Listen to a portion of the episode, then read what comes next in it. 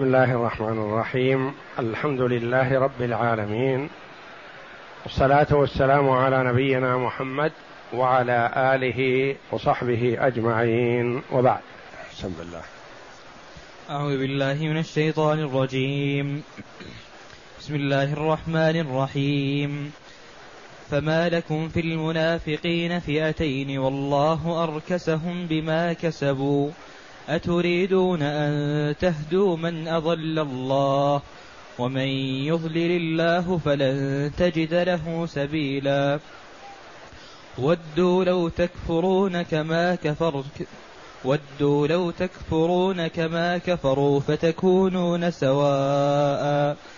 فلا تتخذوا منهم أولياء حتى يهاجروا في سبيل الله.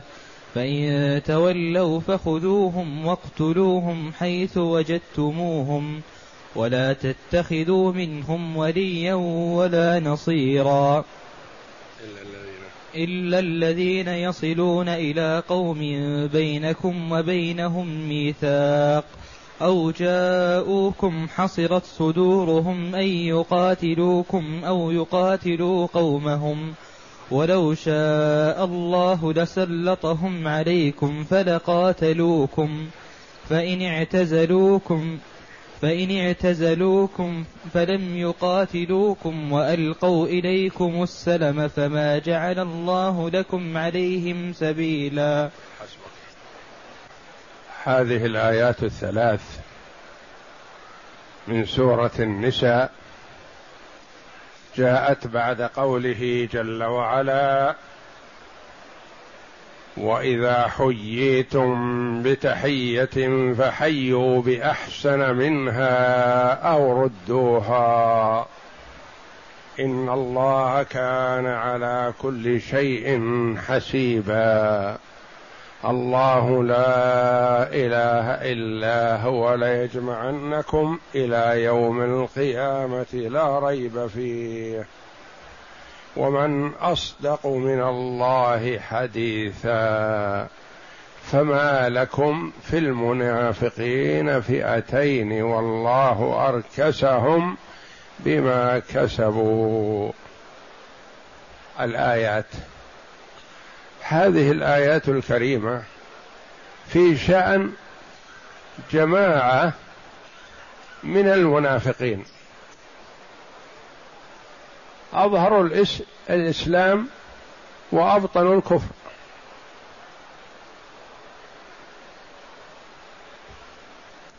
أين هم هؤلاء؟ أقوال للمفسرين رحمهم الله. ولا منافاة. قيل هم في المدينة عبد الله بن أبي بن سلول ومن معه من المنافقين وهذا أرجح الأقوال. وقيل هم أناس بمكة وقيل هم أناس أتوا إلى المدينة ثم خرجوا منها استوخموها فخرجوا منها. والمهم أنها في أناس من المنافقين.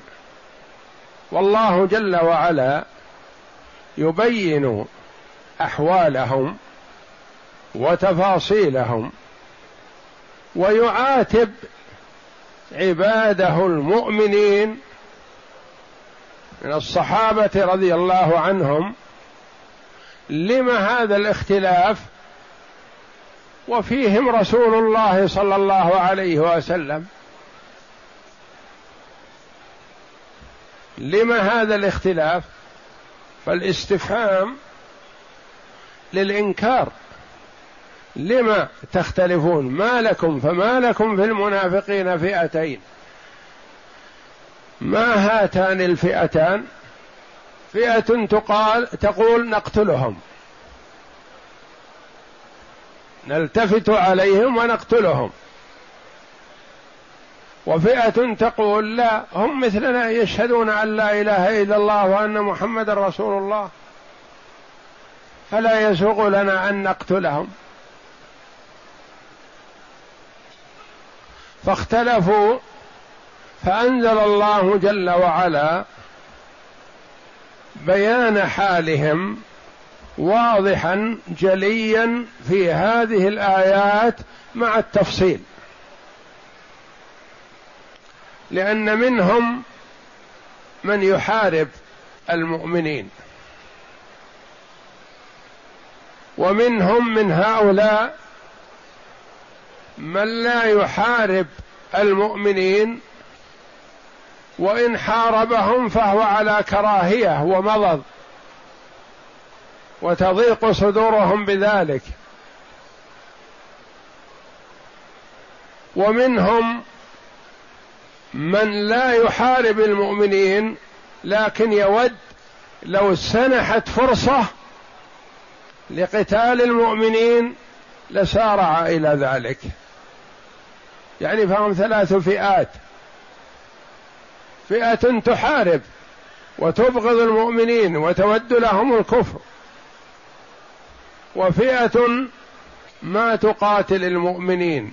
ولو اضطرت للخروج مع الكفار لربما خرجوا وصدورهم ضائقة بهذا ما يريدون هذا وما يحبونه لكنهم ضرورة منجبرين مع جماعتهم. يمثل لهذا بمن؟ بالعباس بن عبد المطلب رضي الله عنه. حينما كان بمكة قبل أن يهاجر. وأناس من الأعراب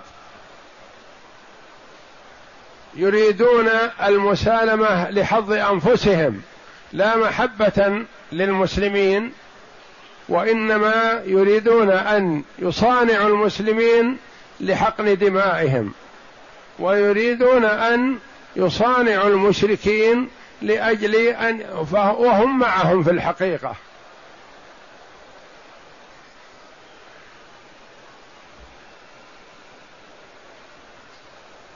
فهم لا يريدون قتال المسلمين لا مودة للمسلمين وإنما رفقا بحالهم وأنفسهم وحفاظا على دمائهم وأموالهم.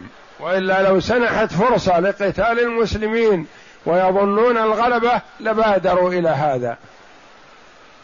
وهذا ما بينه الله جل وعلا في هذه الآيات الكريمة. يقول جل وعلا فما لكم في المنافقين فئتين لما؟ ينكر جل وعلا على عباده المؤمنين لما يكونوا فرقتين في المؤمنين في المنافقين. ويوضح هذا سبب نزول هذه الآيات على أقوال لكن القول المختار. القول المختار أن سبب نزولها هو قصة عبد الله بن أبي بن سلول رأس المنافقين حينما انخزل بالثلث الجيش الذين مع النبي صلى الله عليه وسلم في وقعة أحد. وذلك أن النبي صلى الله عليه وسلم لما جاء المشركون في أحد استشار النبي صلى الله عليه وسلم أصحابه. ما الذي ترون؟ وكان من عادته صلى الله عليه وسلم الاستشارة. وأخذ هذا عنه صحابته وخيار أمته. ما يقدمون على أمر إلا بعد الاستشارة. والله جل وعلا أمر رسوله صلى الله عليه وسلم بذلك في قوله وشاورهم في الأمر فإذا عزمت فتوكل على الله. وأثنى على المؤمنين بأنهم أمرهم شورى بينهم. فالنبي صلى الله عليه وسلم لما علم عن مجيء أبي سفيان في أحد ومعه جيش عظيم استشار الصحابة ما الذي ترون؟ فقال عبد الله بن أبي بن سلول وجماعة بعدما سمعوا رأي النبي صلى الله عليه وسلم أنه قال نبقى في المدينة. إن أقاموا الأعداء في أحد أقاموا بسوء حال. وإن دخلوا علينا المدينة قاتلناهم في السكك والصبيان والنساء داخل البيوت مع السطوح. ولا نخرج إليهم لأنهم جيش كثير.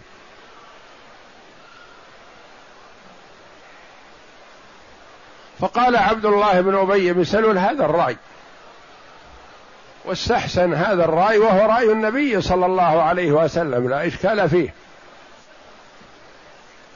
إلا أن بعض الصحابة رضي الله عنهم الذين فاتهم الظفر وحضور موقعة بدر الكبرى تمنوا أن يكون لهم في أحد مثل ما لإخوانهم في موقعة بدر.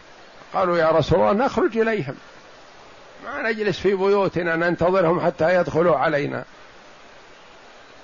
وألحوا على النبي صلى الله عليه وسلم بذلك. ثم إنه استجاب لهم عليه الصلاة والسلام. لما رأى رغبتهم وكثرة من يشير بهذا وهم مجتهدون رضي الله عنهم ومتحمسون لقتال الأعداء ويقدمون أنفسهم رخيصة في سبيل الله رضي الله عنهم. ثم إن النبي صلى الله عليه وسلم دخل بيته ولبس هامة الحرب. لما دخل النبي صلى الله عليه وسلم بيته التفت بعضهم لبعض. قالوا أحرجنا النبي صلى الله عليه وسلم.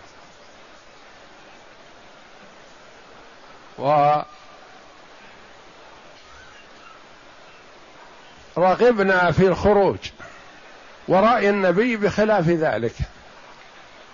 فهل نستأذنه في أن نرجع إلى ما يراه عليه الصلاة والسلام؟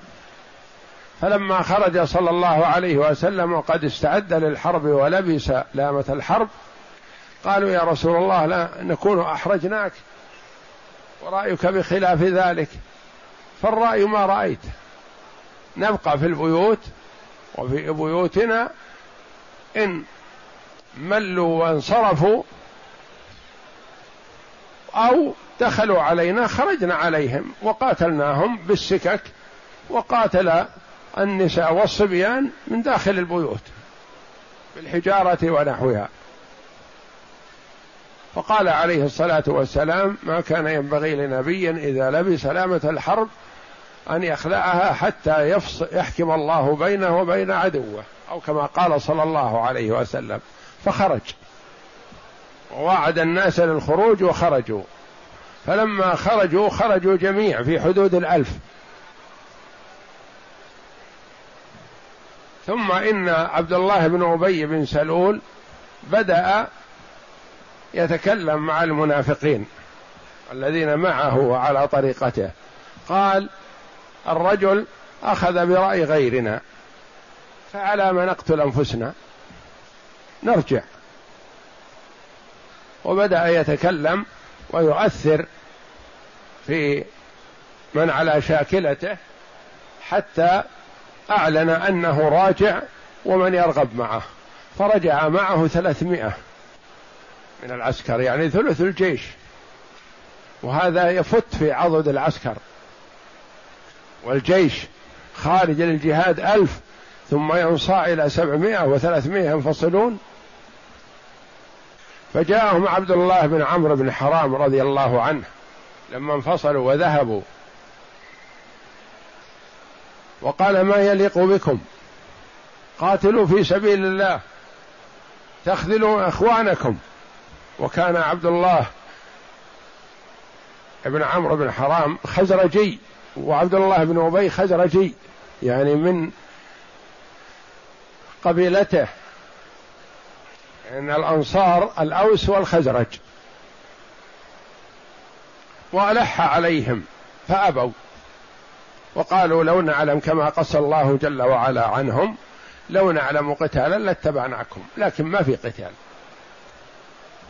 وهم قصدهم الوقيعه بالمسلمين والفت في عضدهم وتشجيع الكفار لأن الكفار إذا علموا أنه انخزل عن النبي صلى الله عليه وسلم ثلث الجيش تشجعوا ونشطوا. فحاول معهم عبد الله بن عمرو بن حرام رضي الله عنه والد جابر حاول معهم فأبوا فقال أبعدكم الله. ورجع إلى النبي صلى الله عليه وسلم.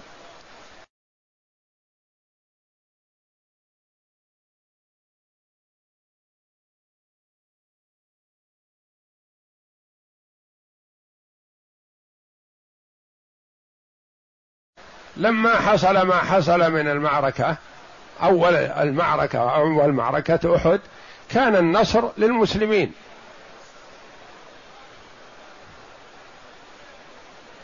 وكادوا يقتلوا أكثر المشركين ويأسر من شاءوا منهم. إلا أن الرماة لما أرأوا المشركين انهزموا نزلوا من مكانهم الذي كانوا فيه يراقبون الموقف ويدافعون عن جيش المسلمين. نزلوا من أجل أن يأخذوا من الغنيمة كما يأخذ إخوانهم. لأن الجيش جيش الكفار انهزم. فنزلوا فقال لهم أميرهم ألم يقل لكم النبي صلى الله عليه وسلم لا تبرحوا مكانكم حتى آذن لكم ولو رأيتم الطير تخطفنا؟ قالوا خلاص ذهب المشركون وانهزموا وانتهت المعركة بسلام. فنزلوا حصلت المعصية. فالتفت خالد بن الوليد وكان في جيش الكفار قبل أن يسلم. فرأى أن الجبل خلا وكان في جيش عدد كبير أربعين وقيل سبعين. يحرسون ظهور المسلمين. فرأى أنه ما بقي فيه إلا عشرة. فقال العشرة ممكن السيطرة عليهم. ولف بالعسكر. عسكر المشركين. ثم حصل القتال من جديد. وكسرت رباعية النبي صلى الله عليه وسلم. وشج رأسه. ودخلت حلقتان من حلق المغفر في وجنته عليه الصلاة والسلام. وما استطاع أن يصلي الظهر ذلك اليوم إلا جالسا عليه الصلاة والسلام.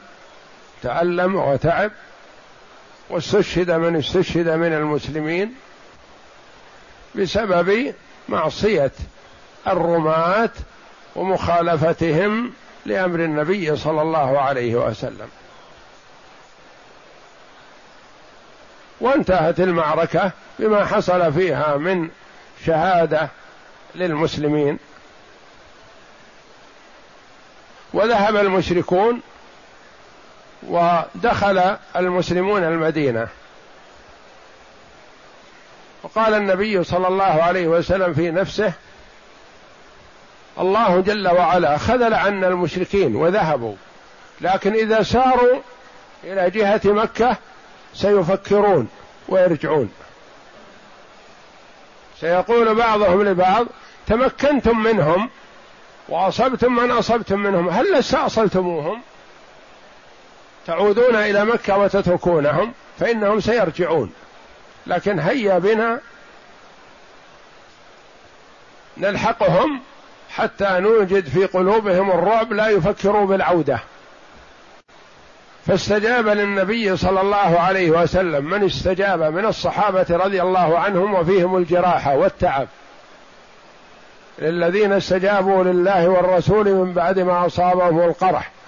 قص الله جل وعلا عنهم ذلك في سورة آل عمران وأكثرها في وقعة أحد و بدر وغيرها. ف وفعلا حصل وفكر المشركون بما توقعه النبي صلى الله عليه وسلم. لما تقدموا متوجهين إلى مكة وقفوا وتشاوروا. تمكنتم من محمد وصحبه وجرحتموهم وقتلتم من قتلتم. وهو الذي ينادي فيه أبو سفيان لنا العزى ولا عزى لكم.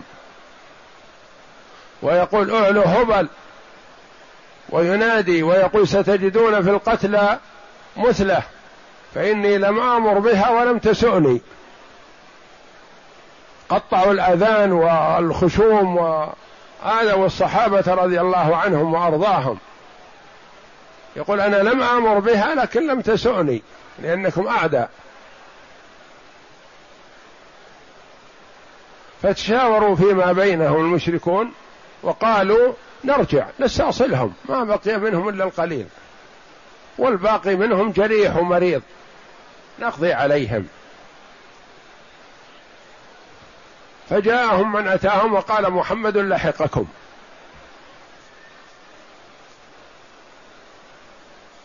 انضم معه من تخلف من المسلمين وكثروا وأتوكم.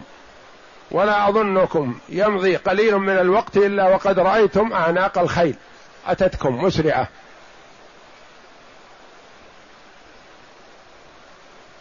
وقال أبو سفيان ماذا تقول؟ قال انتظر قليلا وتجد أعناق الخيل. لكن كان لك في نفسك حاجة فاعبر في طريقك واذهب إلى مكة. أشرد أهرب. ففت هذا في عضدهم وكان خروج النبي صلى الله عليه وسلم إليهم. مناسبا جدا من أجل أن يلقي في قلوبهم الرعب فيتوجه ويذهبوا ويعدلوا عما أرادوا من الرجوع إلى المدينة.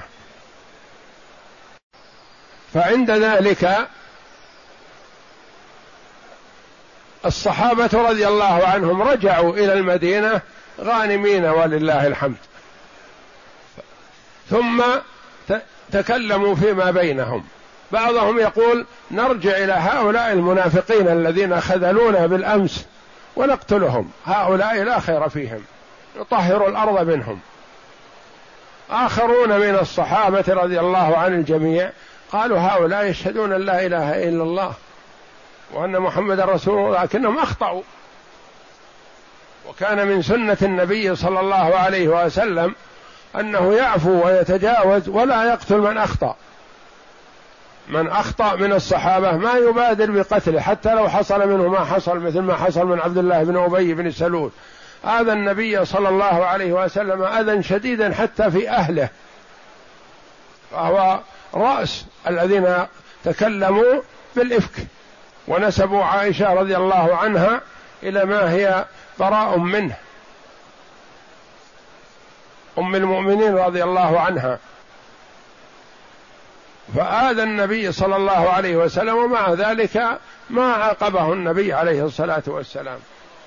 ما كان يرى قتال أو معاقبة من كان في المدينة من المنافقين لئلا يتحدث الناس أن محمدا التفت إلى أصحابه يقتل فيهم. فيقول الله جل وعلا ما لكم في المنافقين فئتين يعني ما ينبغي لكم أن تختلفوا. ولا أن تتنازعوا ولا أن تفترقوا. ارجعوا إلى نبيكم. فهو الذي يقرر لكم ما يراه مناسبا. فما لكم في المنافقين فئتين؟ والله أركسهم بما كسبوا. الله جل وعلا ردهم وأركسهم وأهلكهم بما انطوت عليه قلوبهم من النفاق. أتريدون أن تهدوا من أضل الله؟ يعني كأن الصحابة بعضهم حرص كل الحرص ومنهم عبد الله بن عمرو بن حرام رضي الله عنه الذي أكد وشدد على المنافقين بترغيبهم في الإقبال مع النبي صلى الله عليه وسلم والقتال معه. فيقول الله جل وعلا أتريدون أن تهدوا من أضل الله؟ هؤلاء اضلهم الله ومن يضلل الله فلن تجد له نصيرا. هؤلاء لا خير فيهم. يعلم الله جل وعلا أنهم لا خير فيهم. وربما يكون رجوعهم عنكم خير لكم. لأنهم لو حضروا المعركة وانهزموا بسرعة لأرجفوا بالجيش كله لأنهم كثرة.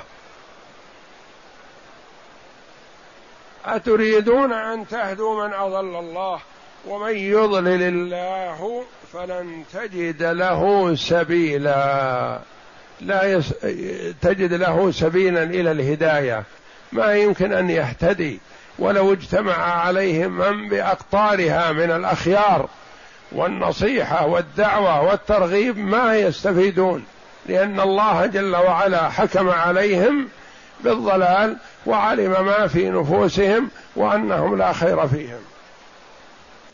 أتريدون أن تهدوا من أضل الله ومن يضلل الله؟ فلن تجد له سبيلا. ثم بين جل وعلا حالهم. وقال ودوا لو تكفرون كما كفروا فتكونون سواء. عبد الله بن أبي ومن معه يودون من جميع المؤمنين أن يكونوا مثلهم وأن يكونوا كفارا مثلهم ولا يكونوا مؤمنين. ودوا لو تكفرون كما كفروا فتكونون سواء. يعني يريدونكم أن تكونوا مثلهم يتمنون هذا. فلا تتخذوا منهم أولياء. فلا تتخذوا منهم أولياء. عرفوا عداوتهم وأنهم أعداء وأنهم لا خير فيهم فلا توالوهم ولا تستنصحوا منهم. ولا تقبلوا منهم مشورة ولا رأي لأنهم ضدكم. فلا تتخذوا منهم أولياء حتى يهاجروا في سبيل الله. هذه العبارة الكريمة جعلت المفسرين رحمهم الله يختلفون في هذا. حتى يهاجروا. يقول لهؤلاء المفسرين الذين فسروا على هذا المنوال يقول كيف هؤلاء؟ هؤلاء بالمدينة الحين المنافقين. لا تتخذوا منهم أولياء حتى غاية وهي أن يهاجروا. هؤلاء في المدينة. فكيف يهاجروا وهم في المدينة؟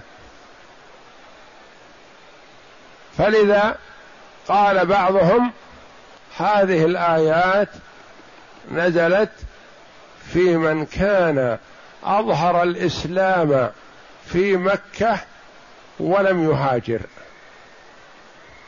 وذلك أن الهجرة كانت قبل فتح مكة واجبة. فمن أسلم ولم يهاجر فلا يوالى لأنه مع المشركين وكثر سوادهم فلا يوالى ولا يناصر وتقطع الصلة بيننا وبينهم حتى وإن كانوا مسلمين لأنهم بقوا مع الأعداء ما هاجروا حتى يهاجروا. في سبيل الله. ما قولكم الذي تقولون هذه في عبد الله بن أبي بن سلول وأصحابه؟ تطلبون من عبد الله بن أبي بن سلول وأصحابه الهجرة؟ يقولون نعم نطلب منه الهجرة. الهجرة أنواع. الهجرة أنواع. ليست نوع واحد. وذكرها العلماء رحمهم الله ثلاثة أنواع. الهجرة من بلد الكفر إلى بلد الإسلام كهجرة الصحابة الأخيار رضي الله عنهم من مكة إلى المدينة. هذه هجرة بلد الكفر والتوجه إلى بلاد الإسلام وكانت واجبة في صدر الإسلام. حتى فتح مكة قال عليه الصلاة والسلام لا هجرة بعد الفتح ولكن جهاد ونية. وإذا استنفرتم فانفروا. لا هجرة بعد الفتح. أسلم أهل مكة وبقوا في أماكنهم. ومن رغب الهجرة منهم يهاجر يخرج ليقرب من النبي صلى الله عليه وسلم. ومن أراد البقاء بمكة يبقى. فقالوا الهجرة ثلاثة أنواع. هذه الهجرة الأولى. الهجرة الانتقال من بلد الشرك إلى بلد الكفر. الثاني الهجرة الخروج من النفاق إلى الإيمان والتصديق. وهذه تنطبق على عبد الله بن أبي وأصحابه. هم في حالة نفاق. ومنهم من من الله عليه بالتوبة والإيمان. وترك النفاق وابتعد عنه وأنقذه الله جل وعلا منه. ومنهم من مات على نفاقه والعياذ بالله. فالهجرة إذن يقول الهجرة ليست الهجرة في هذا الخروج من بلد الكفر إلى بلد الإسلام وإنما المراد الهجرة الابتعاد عن النفاق والدخول في الإيمان والتصديق. وتنطبق على هؤلاء تماما. حتى يهاجروا. ولم يقل عليه الصلاة والسلام أو لم يقل الله جل وعلا حتى يخرجوا من مكة إلى المدينة. قال يهاجروا في سبيل الله والابتعاد عن النفاق والتوبة والندم على ما فرط منه هذا هجرة. هجر النفاق إلى الإيمان. وقد حصل هذا من بعض المنافقين أولا ثم من الله عليهم بالتوبة فتابوا. فكانوا كان المسلمون منهيون كان المسلمون منهيين عن موالاتهم. ثم لما أسلموا وآمنوا وصدقوا أباح الله واجاز الله جل وعلا موالاتهم. حتى يهاجروا في سبيل الله. هذا النوع الثاني من الهجرة. النوع الثالث من الهجرة هي ترك المعاصي مطلقا كفر معاصي كبائر ذنوب. هذه هجرة. وكيف سميتها هجرة؟ يقول سماها النبي صلى الله عليه وسلم قبلي. فالنبي صلى الله عليه وسلم قال المسلم من سلم المسلمون من لسانه ويده. والمهاجر من هجر ما نهى الله عنه. هذه الهجرة الثالثة. فالهجرة ثلاثة أنواع. هجرة الانتقال من بلد الشرك إلى بلد الإسلام. وهجرة الابتعاد عن النفاق والدخول في حيز الإيمان والتصديق. وهجرة ابتعاد عن المعاصي. يكون المرء مسرف على نفسه واقع في المعاصي واقع في الذنوب يتركها. ويهجر هذا ويرجع إلى الإيمان والتصديق. فعلى المعنى الثاني تنطبق على هؤلاء على عبد الله بن أبي بن سلول وأصحابه منهم من من الله عليه بالتوبة فتاب. فلا تتخذوا منه أولياء حتى يهاجروا في سبيل الله. فإن تولوا ما وافقوا وما قبلوا وما أسلموا إسلاما حقيقيا وما آمنوا بالله ورسوله فخذوهم واقتلوهم حيث ثقفتم حيث وجدتموهم. يعني هؤلاء يستحقون القتال ما دام أنهم ما أظهروا الندم والرجوع إلى الله جل وعلا.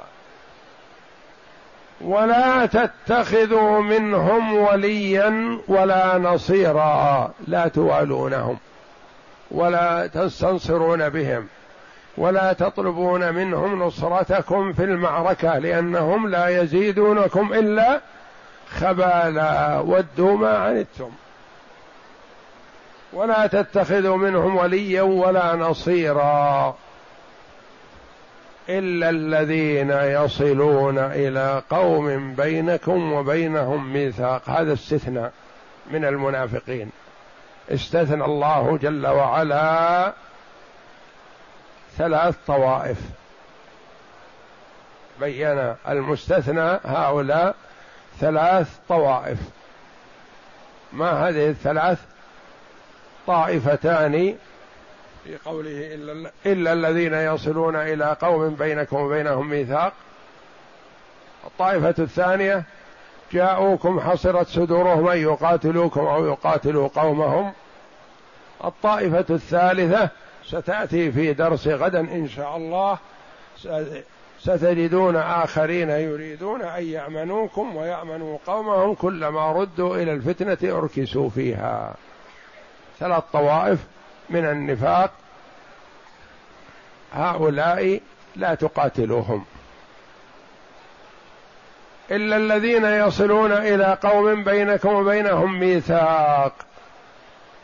منافقون خرجوا من المدينة.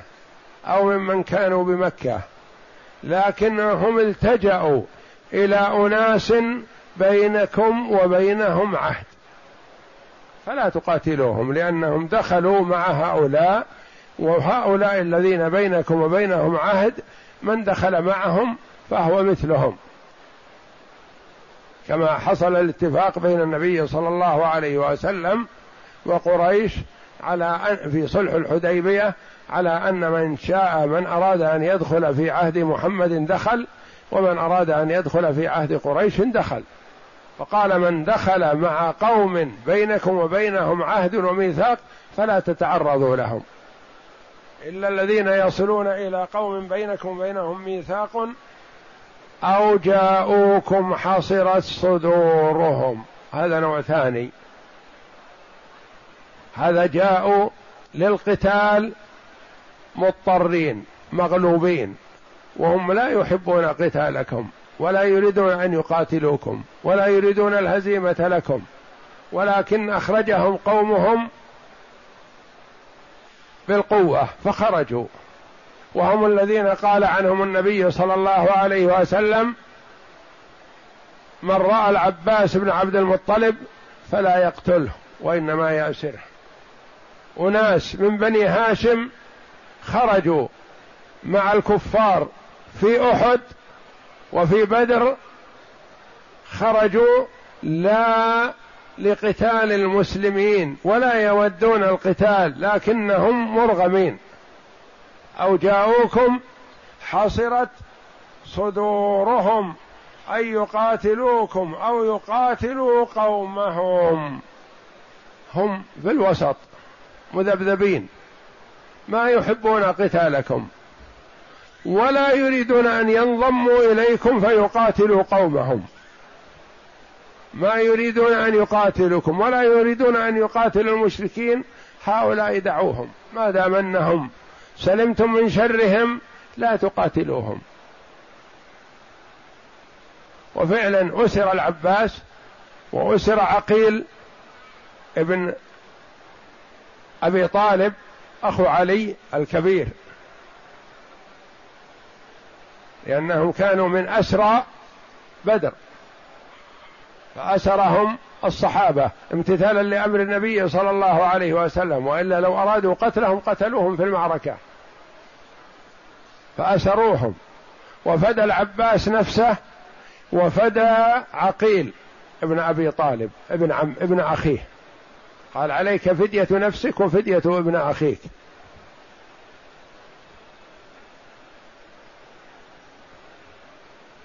فعقيل كان مع المشركين يوم بدر. أما ورد في هذا أن عقيل كان مرح وسريع البديهة والإجابة عن نفسه ويمقت نفسه أحيانا. كان فيما كان بين علي ومعاوية رضي الله عنهما أراد معاوية أن يبين أنه معه حتى من أنصار علي الذي هو عقيل. فعقيل دخل على معاوية فقال عقيل معنا كأنه يقول ترك أخاه وجاء إلينا. عقيل. ماذا قال عقيل؟ ما قال شيئا كثيرا. وهو يرى أن أخاه علي رضي الله عنه أنه أمكن. فقال ويوم بدر كنت معكم. ويوم بدر كنت معكم. يوم بدر كنت معكم مع الكفار. هل ينفعكم؟ يعني ما ينفعكم كوني معكم. يعني قد أكون معكم على ما أنتم عليه من ضلال. فما تستنصر بي ولا تتمدح بي بأني معكم. ما أستحق أن أن أدخل في هذا. ويوم بدر كنت معكم. يعني أنا وأبوك وأنت وكلنا ضد النبي صلى الله عليه وسلم. فكان من الأسرى العباس بن عبد المطلب رضي الله عنه. قبل أن يسلم أو مسلم لكنه ما أظهر إسلامه. ومنهم عقيل وعدد من بني هاشم خرجوا مع المشركين يوم بدر وهم لا يريدون قتال النبي صلى الله عليه وسلم. ولا يريدون إظهار إسلامهم فيقاتلوا المشركين. يريدون مع هؤلاء وهؤلاء. أو جاءوكم حسرت صدورهم أن يقاتلوكم يعني ضاقت صدورهم أن يقاتلوكم ما يريدون قتالكم. أو يقاتلوا قومهم ما عندهم جرأة مثل أبو بكر وعمر والصحابة رضي الله عنهم ما بالوا. عمر يقاتل قرابته وأبو بكر يلحق ولده ليقتله في المعركة و ولا يبالي بقريب ولا بعيد. في ذات الله جل وعلا. لكن هؤلاء لا ما وصلوا إلى هذا الحد. حصلت صدورهم أن يقاتلوكم أو يقاتلوا قومهم ثم من الله جل وعلا على عباده. فقال ولو شاء الله لسلطهم عليكم فلقاتلوكم. فالله قادر على أن يجعلهم يقاتلونكم مثل ما قاتلكم أبو سفيان وغيره وخالد بن الوليد وغيره وعمرو بن العاص ومجموعة. قاتلوكم. قادر على أن يجعل هؤلاء ضدكم لكنه لطف بكم فحبسهم عن مقاتلتكم فهم لا يريدون قتالكم. ولو شاء الله لسلطهم عليكم فلقاتلوكم. فإن اعتزلوكم فلم يقاتلوكم وألقوا إليكم السلم فما جعل الله لكم عليهم سبيلا. لا تقاتلوا هذا الصنف. الذين لا يريدون قتالكم لا تقاتلوهم. توقفوا عن قتالهم. والله جل وعلا يعلم ازلا أنهم سيسلمون ويدخلون في الإسلام ويكونون من أنصار الله وأنصار رسوله وأنصار العقيدة الصحيحة. فهم أسلموا رضي الله عنهم بدل ما كانوا يقاتلون أو ضد المسلمين. كما كان عمر رضي الله عنه يستشفع إلى الله جل وعلا بدعاء العباس رضي الله عنه. والصنف الثالث ما عبر عنه جل وعلا بقوله ستجدون آخرين يريدون أن يأمنوكم ويأمنوا قومهم تأتي غدا إن شاء الله. اقرأ.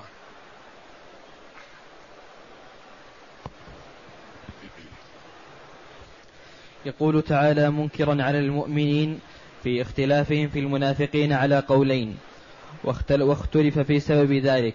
فقال الإمام أحمد عن زيد بن ثابت أن رسول الله صلى الله عليه وسلم خرج إلى أحد فرجع ناس خرجوا معه فكان أصحاب رسول الله صلى الله عليه وسلم فيهم فرقتين فرقة تقول نقتلهم وفرقة تقول لا هم مؤمنون فأنزل الله تعالى فما لكم في المنافقين فئتين. فقال رسول الله صلى الله عليه وسلم إنها طيبة إنها طيبة. إنها طيبة أي المدينة. تنفي الخبث يعني تبين خبث الخبيث. عبد الله بن أبي ومن معه. أظهرت خبثهم وبينته للناس. نعم. فقال رسول الله صلى الله عليه وسلم إنها طيبة وإنها تنفي الخبث كما ينفي الكير خبث الحديد. وقد ذكر محمد بن إسحاق في وقعة أحد أن عبد الله بن أبي بن أبي سلول رجع يومئذ بثلث الجيش رجع بثلاثمائة وبقي النبي صلى الله عليه وسلم في سبعمائة. وقال تعالى والله أركسهم بما كسبوا أي ردهم وأوقعهم في الخطأ.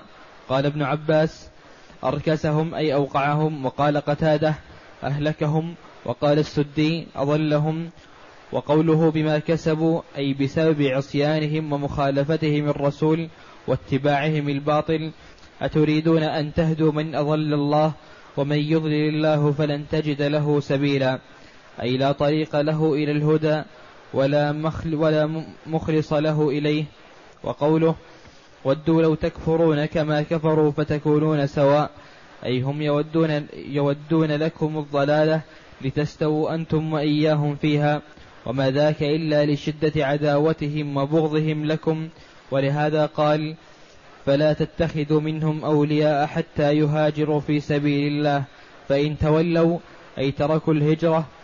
قال قاله ابن عباس وقال السدي أظهروا كفرهم فخذوهم واقتلوهم حيث وجدتموهم ولا تتخذوا منهم وليا ولا نصيرا.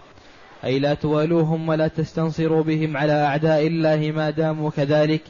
ثم ثم استثنى الله من هؤلاء فقال إلا الذين يصلون إلى قوم بينكم وبينهم ميثاق. أي إلا الذين لجأوا وتحيزوا إلى قوم بينكم وبينهم مهادنة أو عقد ذمة فاجعلوا حكمهم كحكمهم. وهذا قول السدي وابن جرير. وقد روى ابن أبي حاتم عن الحسن أن سراقة بن مالك المدلجي قال لما ظهر النبي صلى الله عليه وسلم على أهل بدر وأحد وأسلم من حولهم قال سراقة بلغني أنه يريد أن يبعث خالد بن الوليد إلى قوم بني مدلج فأتيته فقلت أنشدك النعمة فقالوا صح فقال النبي صلى الله عليه وسلم دعوه ما تريد فقال بلغني أنك تريد أن تبعث إلى قومي وأنا أريد أن توادعهم فإن أسلم قومك أسلموا ودخلوا في الإسلام وإن لم يسلموا لم تخشن قلوب قومك عليهم. فأخذ رسول الله صلى الله عليه وسلم بيد خالد بن الوليد فقال اذهب معه فافعل ما يريد. فصالحهم خالد على أن لا يعينوا على رسول الله صلى الله عليه وسلم وإن أسلمت قريش أسلموا معها. فأنزل الله ودوا لو تكفرون كما كفروا فتكونون سواء فلا تتخذوا منهم أولياء. وقد روي عن ابن عباس أنه قال نسخها قوله تعالى فإذا انسلخ الأشهر الحرم فاقتلوا المشركين حيث, حيث وجدتموهم. الآية. وقوله أو جاءوكم حصرت صدورهم هؤلاء قوم آخرون من المستثنين من الأمر بقتالهم وهم الذين يجيئون إلى المصاف وهم, حص وهم حصرت صدورهم أي ضيقة صدورهم مبغضين أن يقاتلوكم ولا يهون عليهم أيضا أن يقاتلوا قومهم معكم بل هم لا لكم ولا عليكم. ولو شاء الله لسلطهم عليكم فلقاتلوكم. أي من لطفه بكم أن كفهم عنكم. فإن اعتزلوكم فلم يقاتلوكم وألقوا إليكم السلم. أي, المس أي المسالمة فما جعل الله لكم عليهم سبيلا. أي فليس لكم أن تقاتلوهم ما دامت حالهم كذلك. وهؤلاء كالجماعة الذين خرجوا يوم بدر من بني هاشم مع المشركين فحضروا القتال وهم كارهون كالعباس ونحوه ونحوه. ولهذا نهى النبي صلى الله عليه وسلم يومئذ عن قتل العباس وأمر بأسره. والله أعلم. وصلى الله وسلم وبارك على عبده ورسول نبينا محمد وعلى آله وصحبه أجمعين.